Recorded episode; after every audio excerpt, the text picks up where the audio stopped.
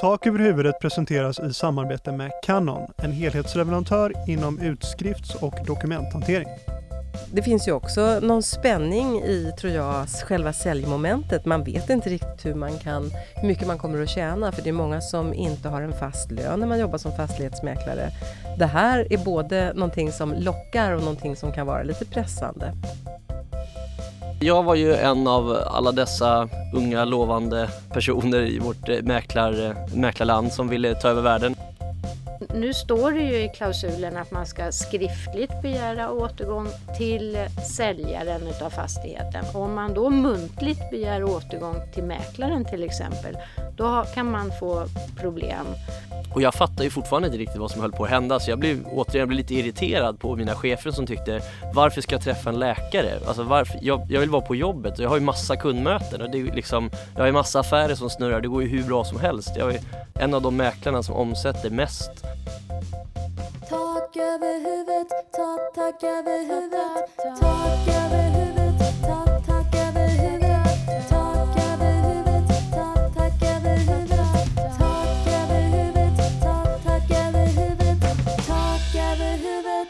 Du lyssnar på Mäklarsamfundets bostadspodd Tak över huvudet. Välkommen till det femte avsnittet på den tredje säsongen. Jag heter Joakim Lusensky. I det här avsnittet ska vi tala om fastighetsmäklarens vardag och det ofta faktiskt tuffa jobbet med långa och många timmar. Vi gästas av Kim Westerlund, mäklaren som gjorde raketkarriär och toppade alla säljlistor på rekordtid. Ända tills han sprang rakt in i väggen. Och det helt enkelt inte gick längre. Hör hans historia och hur han tog sig tillbaka till yrket som han älskar. Vi får också besök här i studion av Annika Alberg, en av Mäklarsamfundets förbundsjurister som ska berätta allt om varför den öppna besiktningsklausulen är så bra. Men först några ord med Mäklarsamfundets VD Ingrid Eiken Holmgren. Ingrid, hur står det till? Jo tack, det är bara bra och det är kul att vara med igen här och väldigt roligt att så många fortsätter att lyssna och att nya lyssnare strömmar till. Fortsätt höra av er till oss med idéer, tankar och synpunkter så att vi hela tiden gör eh, program som intresserar er. Gärna i våra digitala kanaler. Mäklarsamfundet finns både på Twitter, Facebook och Instagram. Hashtag tak över huvudet. Det här avsnittets tema är arbetsliv och fastighetsmäklarnas ibland ganska tuffa vardag. Varför är det viktigt att vi pratar om det här? Eh, ja du, fastighetsmäklaryrket det är jättepopulärt. Eh, antalet antagna till de olika lärosätena som utbildar mäklare det ökar hela tiden och utbildningen väcker verkligen intresse. Det har faktiskt aldrig utbildats så många mäklare som det gör just nu. Och jag tror att det är viktigt att vi berättar om hur arbetslivet kan se ut för Sveriges fastighetsmäklare, inte minst för alla de här nybakade studenter som ska in på arbetsmarknaden. Jag tycker lite grann att det är vi som befinner oss i branschen, det är vårt ansvar att berätta den berättelsen, för det är ingen annan som gör det. Men tillbaka då till hur det faktiskt är att jobba som fastighetsmäklare. Vad är det som gör att det kan vara tufft ibland? Ja, alltså, många jobb eh, kan ju vara tuffa lite, lite från och till och sådär och det gäller för vårt jobb också. Ehm, jag tror att det i grunden är samma sak som gör det så lockande faktiskt för många att söka sig hit. Det finns en jättestor flexibilitet eh, men också stora krav på tillgänglighet från kundernas sida.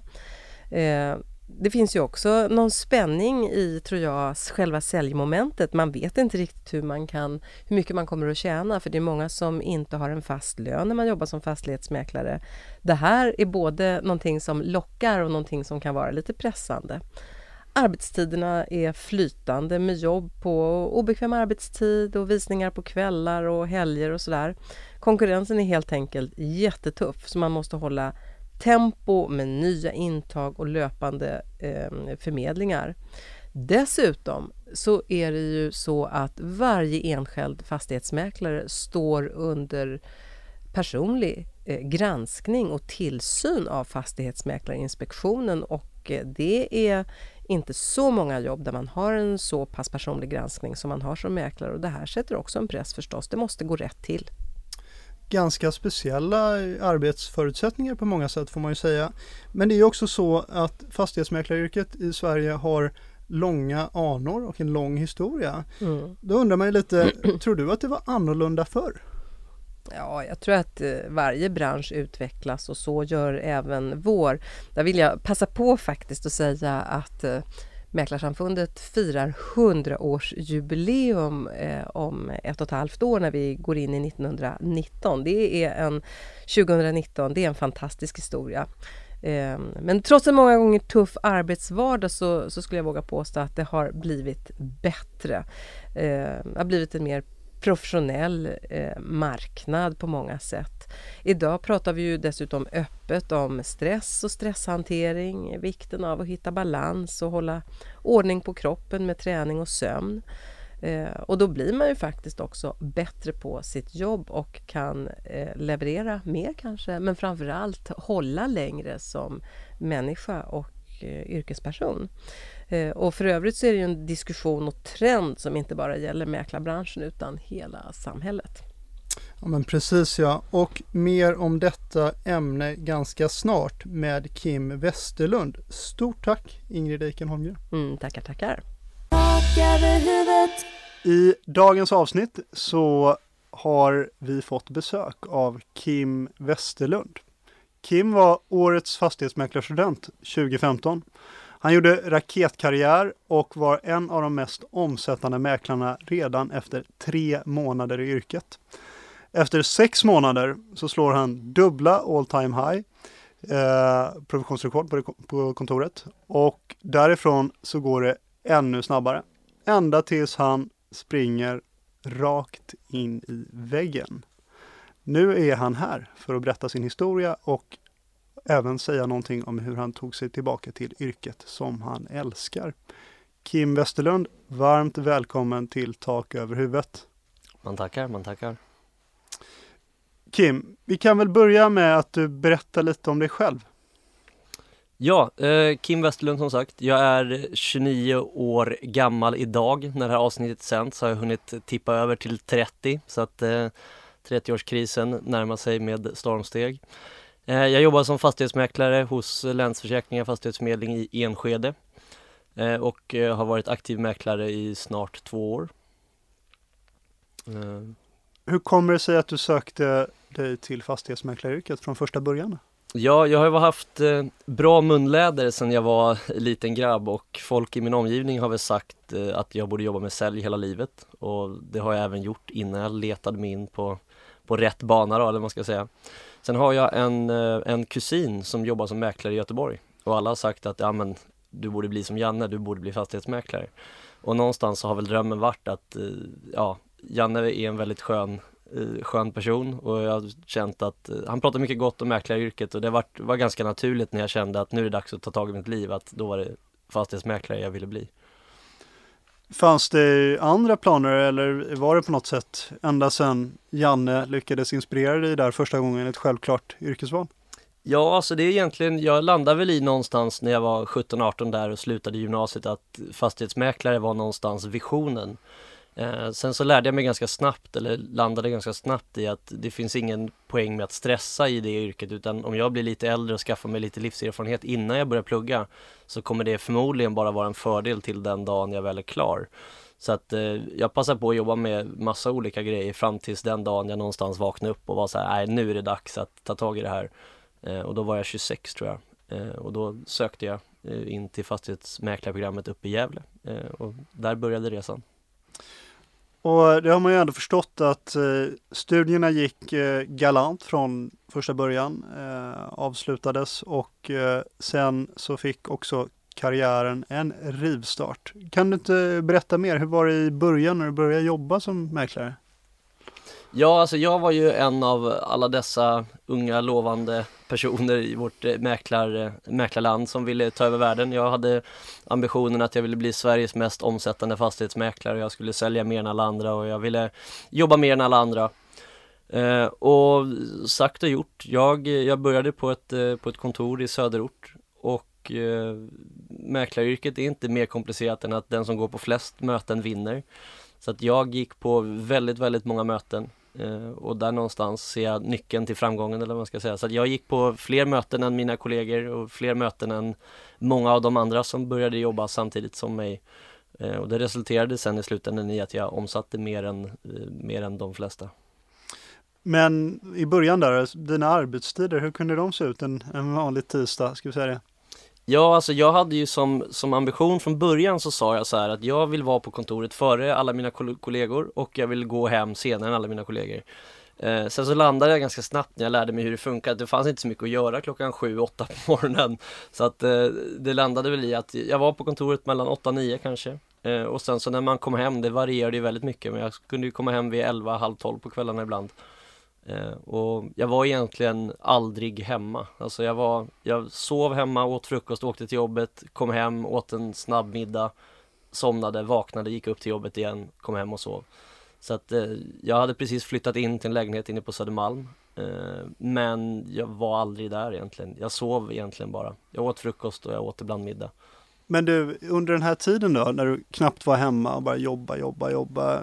Hade du någon relation då? Vad, vad sa tjejen i så fall? Ja, jag hade ju, alltså mitt, mitt mål när jag, när jag började som mäklare var, jag sa till mig själv att jag ger mig själv tre år. Under tre års tid så ska jag eh, köra skiten nu, men jag tänkte att kanske man inte får säga på en podd, men under tre års tid så ska jag jobba mer än, mer än någon annan. Eh, det var målet. Och jag hade sagt till mig själv att jag vill inte ha en relation för det kommer inte gå. Jag insåg själv att det kommer vara så pass mycket jobb så att, att vårda en relation samtidigt som jag försöker ta över Mäkla Sverige, ja det kommer kanske inte vara så lätt.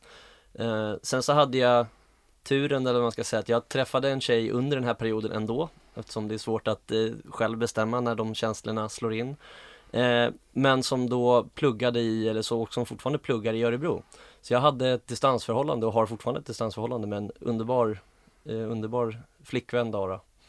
Eh, och det hade nog inte funkat att inte ha distans utan distansförhållandet var väl det som räddade vårt förhållande under den tiden när jag jobbade som mest eftersom att vi sågs, vi hade som mål att ses varannan vecka och när vi väl såg så hon, för jag var ganska tydlig med att du får komma till Stockholm när vi ska ses för jag har Mm. inte tid att åka till Örebro. Eh, nu har det ändrats i, i dagsläget då, men, men då var det premisserna från mitt håll. För att jag hade visningar på söndagar och jag, ja, det funkade inte riktigt att åka iväg dit. Eh, men då funkar det jättebra för då kunde jag jobba hur mycket som helst på vardagarna och sen hade vi tur så kunde vi, vi hade ju som, vi försökte ringa varandra varje kväll. Blandat resultat, men det var ambitionen någonstans. Men då gick det ganska bra att vi, vi pratade lite på kvällen och sen så fick det vara och sen så fick vi passa på att umgås ordentligt när vi väl sågs på helgerna. Så att, eh, men eh, hade jag haft ett normalt förhållande under den tiden, det, det tror jag inte hade gått. Det hade inte funkat. Men du jobbade som en galning. Du eh, gjorde och satte rekord både på det ena och det andra sättet. Jag gissar då också att du faktiskt tjänade rätt bra med pengar under den här perioden. Ja, jag det förhållandevis bra med pengar, absolut. Men hade du tid att använda dem överhuvudtaget? Nej, alltså om man tittar i, tittar i backspegeln så under mitt, mitt första halvår så som jag sa, jag jobbade, alltså jobbade 12-14 timmar, alltså måndag, tisdag, onsdag, torsdag, fredag. Sen så fick man ju vara lite ledig på lördagen och sen så var det visningar och ibland möten och sånt på söndagarna.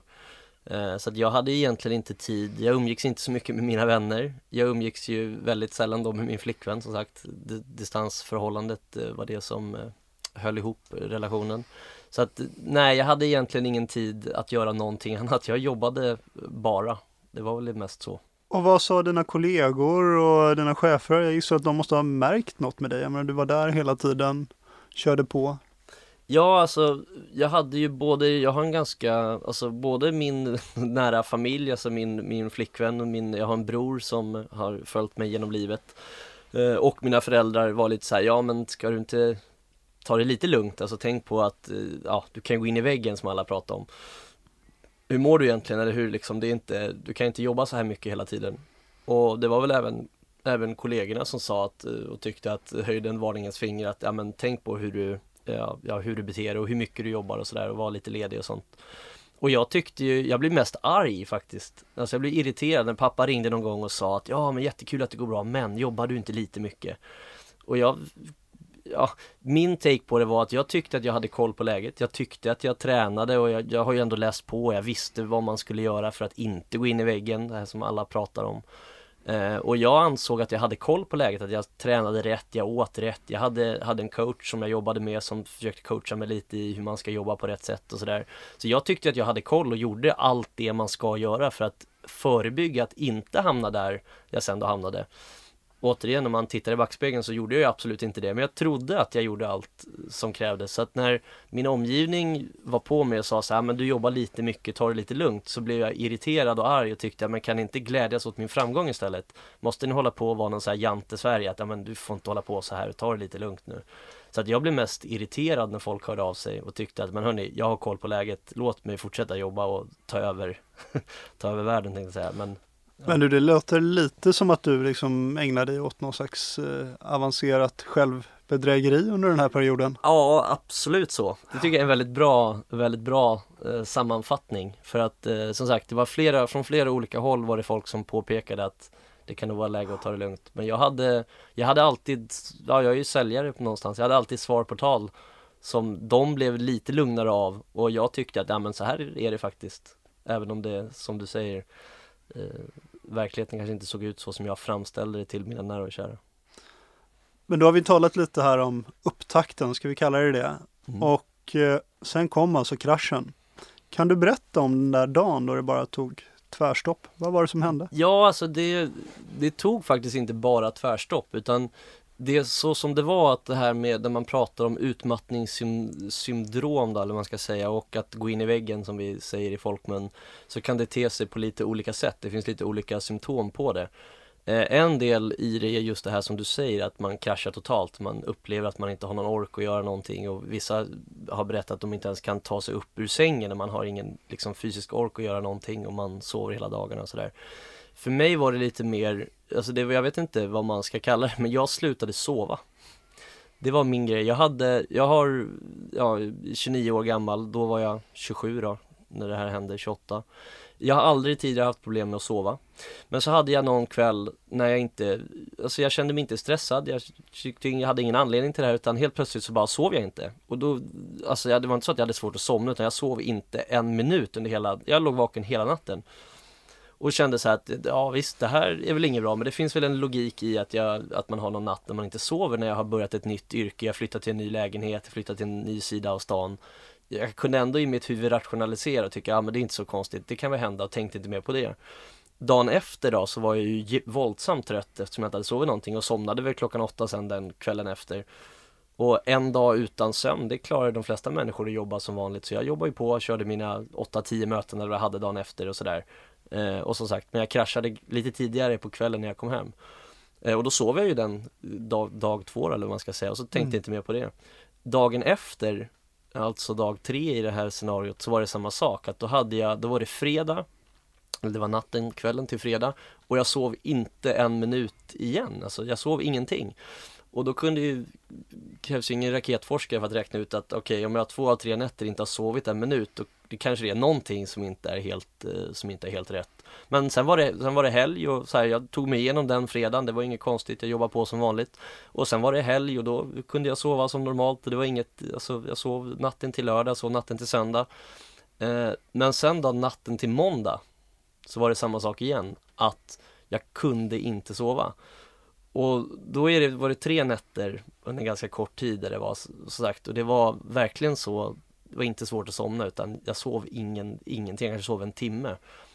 Och då smsade jag mina chefer på måndag morgon för vi hade ett måndagsmöte, alltså uppstartsmöte, eh, veckomöte. Och skrev att ah, men jag har sovit lite dåligt så att jag, eh, ja, jag kommer in lite senare, jag kommer in till vårt nästa möte för en av våra eh, regionschefer skulle komma in klockan 10. Och då fick jag ganska snabbt ett sms från en av cheferna som sa att eh, du kommer inte in till jobbet idag utan vi, vi rensar din kalender, eh, åk ut till din mamma, jag har, min mamma bor ute på, på Värmdö. Så jag sa, åk ut till din mamma, ta det lugnt och sov och sådär. Eh, och så jaha, ja, va, ja, tänkte inte mer på det men det var väl schysst av dem.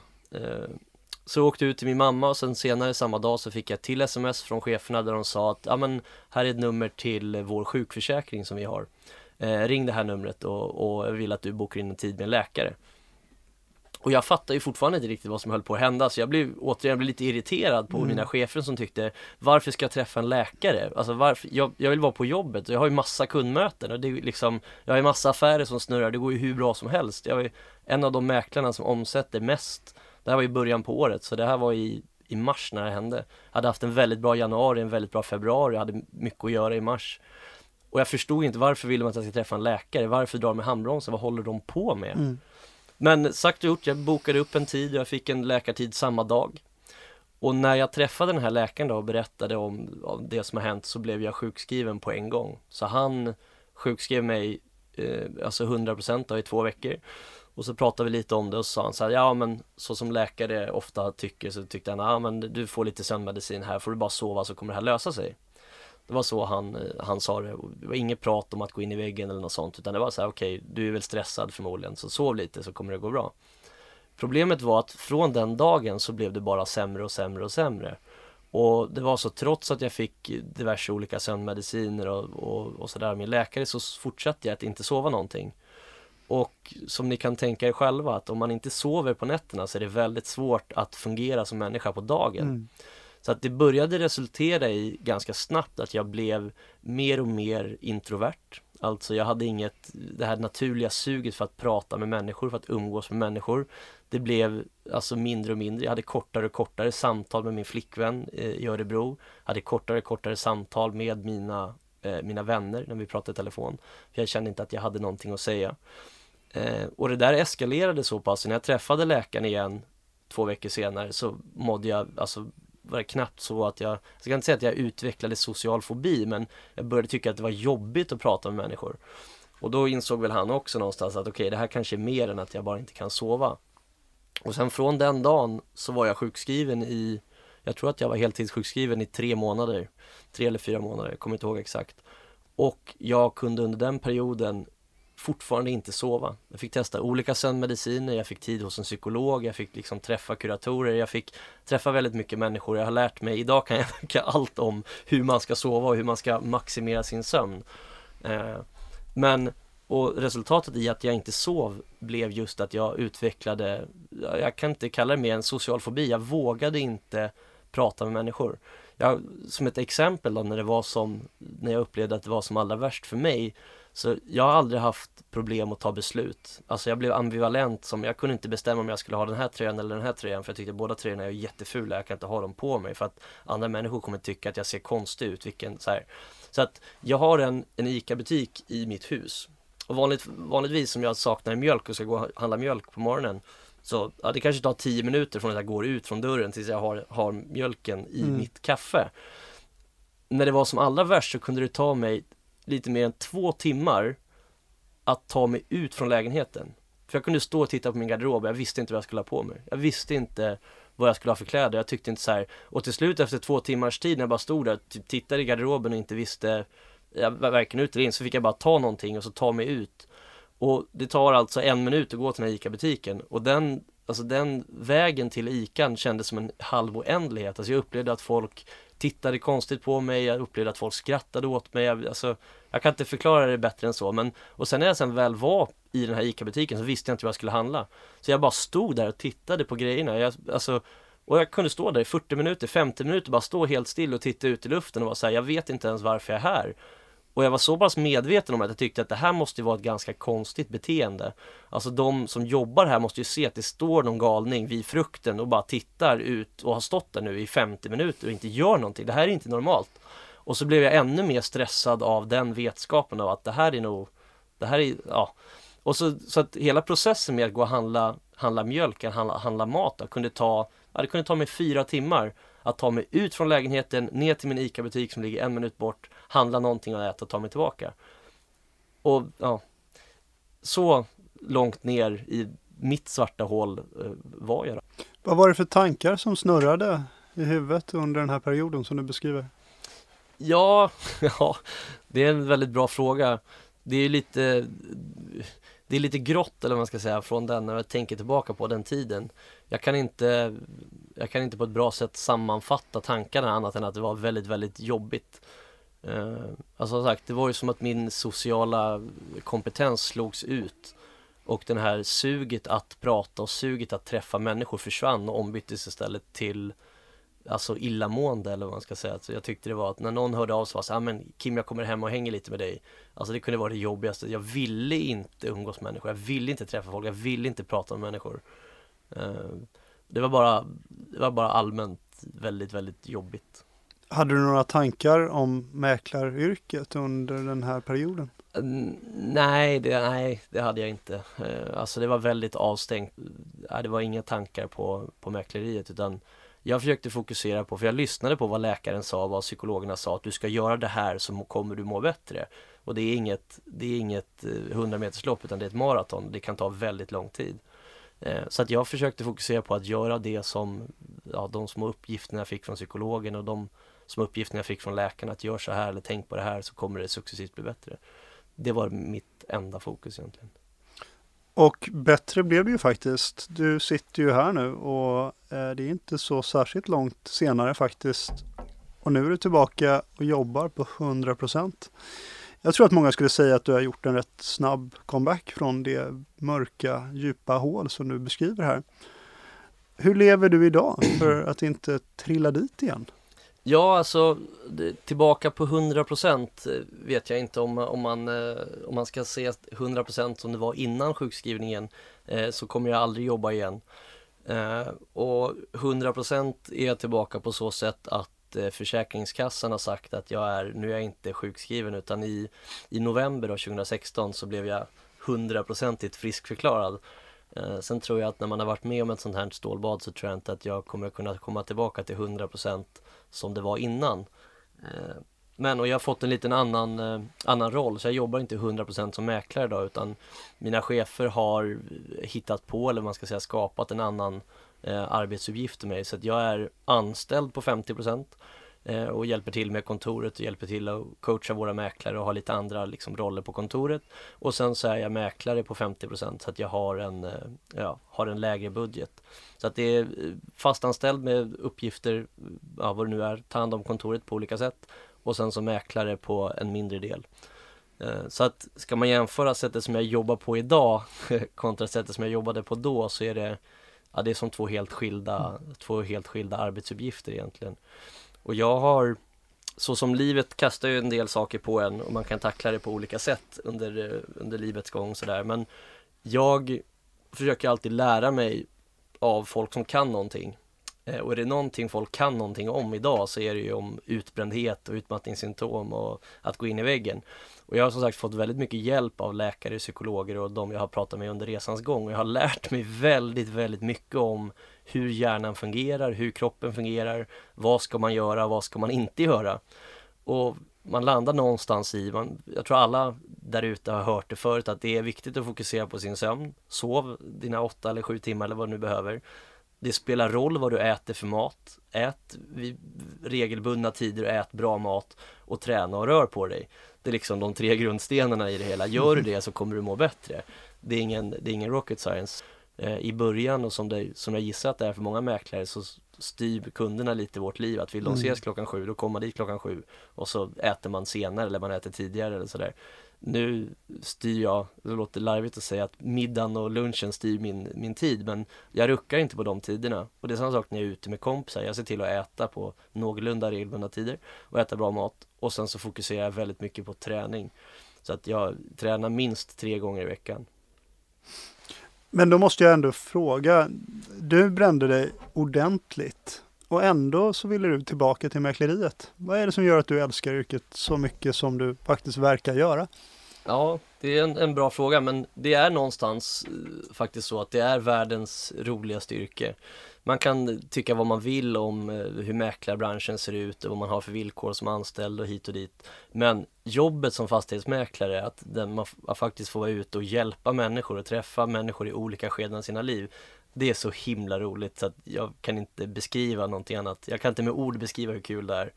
Eh, och jag var på ett möte senast igår när jag träffade ett, ett äldre par som ska, ska sälja sitt hus.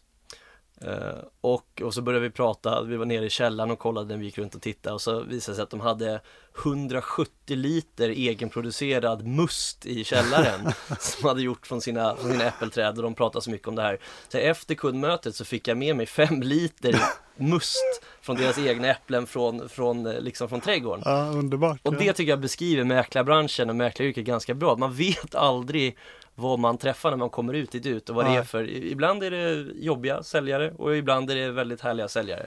Det är som är med alla yrken gissar jag. Tycker du att vi pratat tillräckligt om arbetslivets stress och press i mäklarbranschen?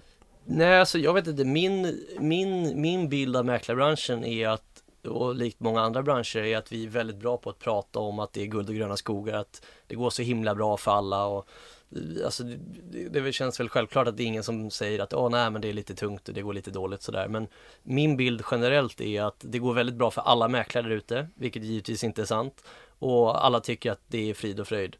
Eh, och så ser det ju inte riktigt ut på alla ställen överallt och min bild eller så mycket så, så pass insatt som jag är i det så jag, jag tycker inte att vi pratar tillräckligt mycket om att det finns en, en baksida och att det faktiskt eh, är många som slutar i branschen och att det, eh, ja, det kan gå dåligt för vissa. Eh, jag upplever inte att det lyfts upp till ytan speciellt ofta. Men du, nu när du ändå sitter här så tänker jag att då kan jag ju få det direkt från hästens mun så att säga. Eh, har du några tips och råd till de som kanske är på väg in i branschen eller som själva börjar känna att eh, jag kanske kör på lite för hårt alltså. Vad ska man göra? Ja, det är en väldigt, väldigt bra fråga. Och jag tycker att när man står som, som blivande fastighetsmäklare så tycker jag att det absolut viktigaste eh, är att man hittar ett bra kontor med bra chefer och en bra organisation bakom.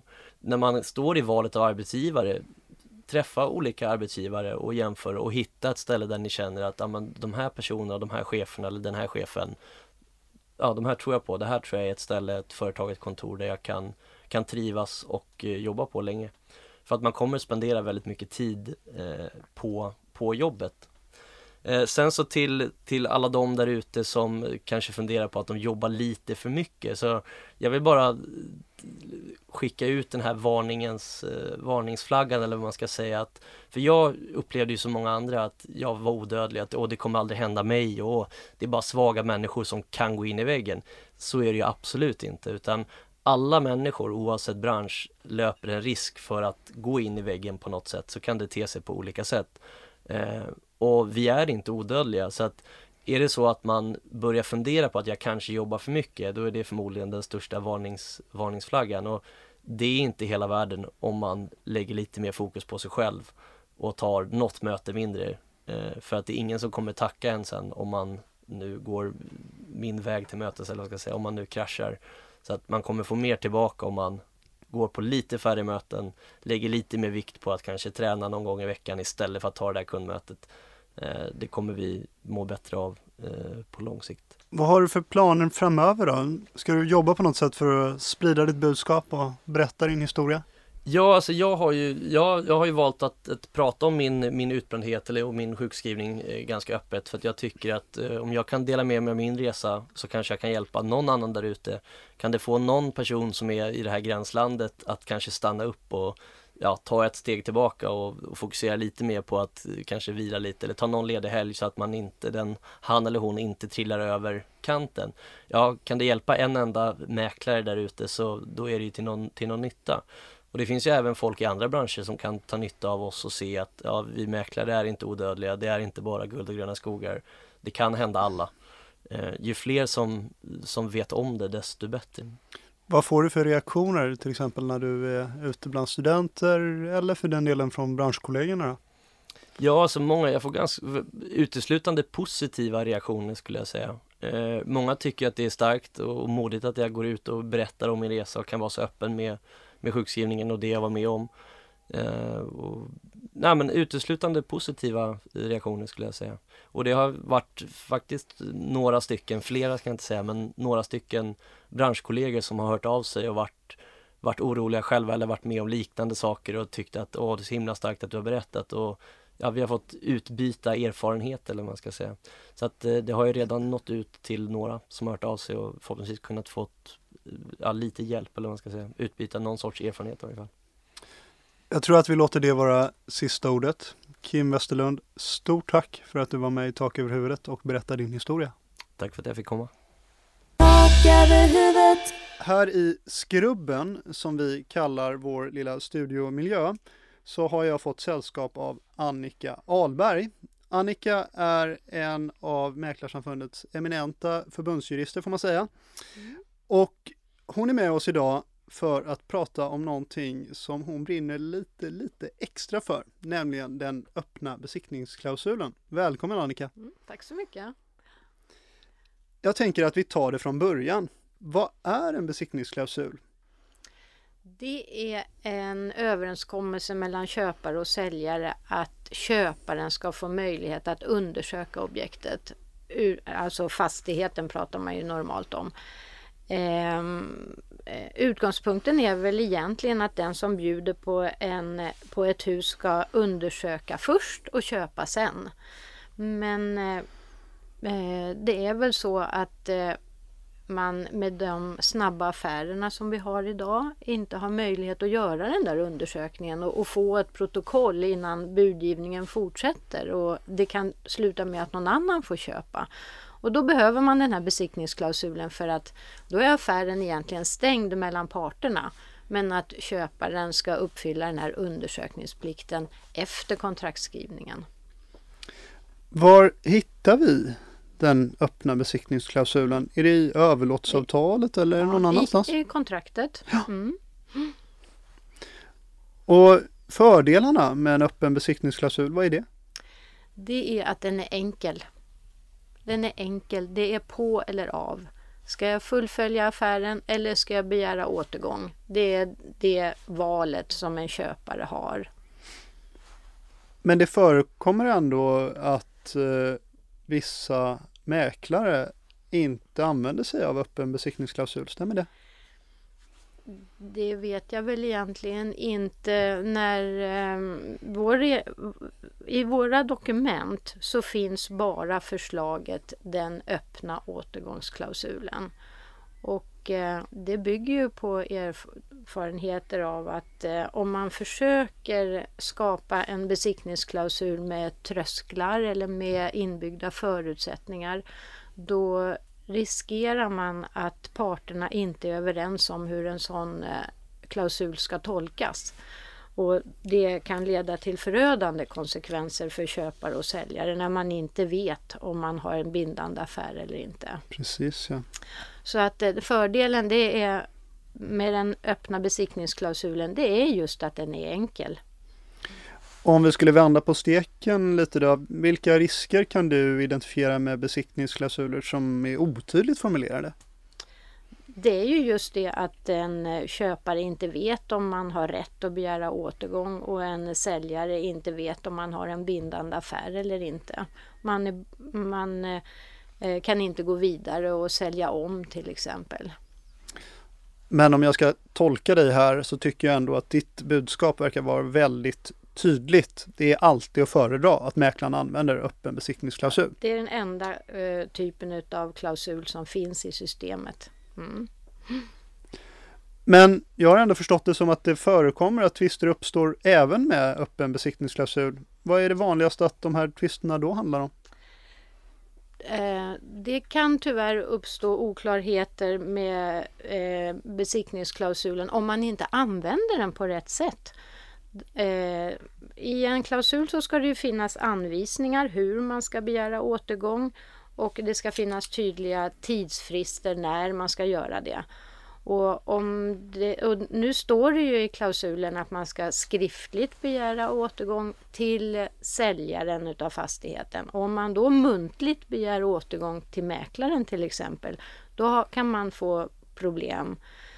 Eh, så att eh, det är viktigt att man följer de anvisningar som står i klausulen. Sen kan det också bli bekymmer om den här eh, tiden som man har fått på sig är för kort så att det inte, en köpare inte får utrymme att beställa en besiktning och ta del av det här protokollet. Och en tredje variant kan ju faktiskt vara att Eh, parterna istället för att begära återgång så börjar parterna diskutera ett alternativ, ett prisavdrag till exempel. Och då glömmer man bort den där, den där möjligheten att begära återgång så att den här sista dagen passeras. Det kan också vara ett bekymmer. Vi tänker oss då en, en affär där öppen besiktningsklausul har tillämpats och köparen faktiskt utnyttjar sin rätt till återgång, alltså kliver av köpet efter besiktning. Kan säljaren då få någon ersättning för detta? Normalt inte. Men eh, det kan man komma överens om. Och det går att komplettera besiktningsklausulen med en prislapp. Men eh, eh, jag tror att det är ovanligt. Men det förekommer. Och mäklarens roll i, i hela bostadsaffären det är ju faktiskt att, att hjälpa både köpare och säljare. Eh, och kan mäklaren göra någonting tycker du för att, för att hjälpa just köparen och säljaren att förstå hur den öppna besiktningsklausulen fungerar i praktiken så att det blir begripligt? Ja, det är en jättebra fråga. Och egentligen så är svaret likadant för båda parterna. Det är att uppmärksamma den här tidsfristen. Så att köparen förstår vilken dag som är den sista dagen för att begära återgång. Och även för säljaren att uppmärksamma tidsfristen och att ha en plan B. Att eh, vad ska vi göra när den här dagen kommer och kanske köparen ändå begär återgång. Så att man vet precis vad, vad det är man ska sätta igång med då. Ny marknadsföring, nya visningar och att man har en beredskap för det. Så att eh, på det sättet kan mäklaren hjälpa både köpare och säljare. Tänk på tiden tycker jag det låter som Ja. att budskapet är till alla mäklare där ute. Då. Ja, det tycker jag. Stort tack Annika för att du tog dig tid att vara med här idag. Tack så mycket. Tak över huvudet. Tak över huvudet presenteras tillsammans med Canon och klipps och produceras av Diggin Larry. Projektledare är Caroline Berg och foto och avsnittsbild har Karina Vikaby ordnat. Och jag, jag heter Joakim Lusönsky. Tak över huvudet.